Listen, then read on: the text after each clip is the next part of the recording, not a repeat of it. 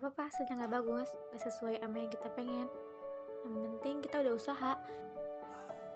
Kalau kamu ngerasa capek bosen males ya udah emang kayak gitu emang pasti ada yang kayak gitu mah. Tapi kamu jangan pernah berhenti. Ya udah kalau misalnya kamu capek ya udah nggak apa istirahat.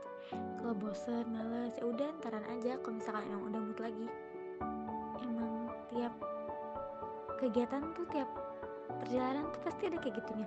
Males lah capek lah bosan lah. Tapi pokoknya kamu jangan pernah berhenti. Jangan pernah insecure sama orang lain. Tiap orang tuh punya kelebihan masing-masing.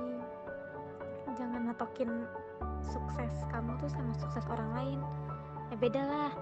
Kemampuannya juga kan beda-beda. Kalau kamu maksain ikutan sukses kayak orang lain standarnya juga beda sama kamu kayak nyiksa diri sendiri maksain kesannya. Kejar aja target kamu gak usah ngikutin patokan orang lain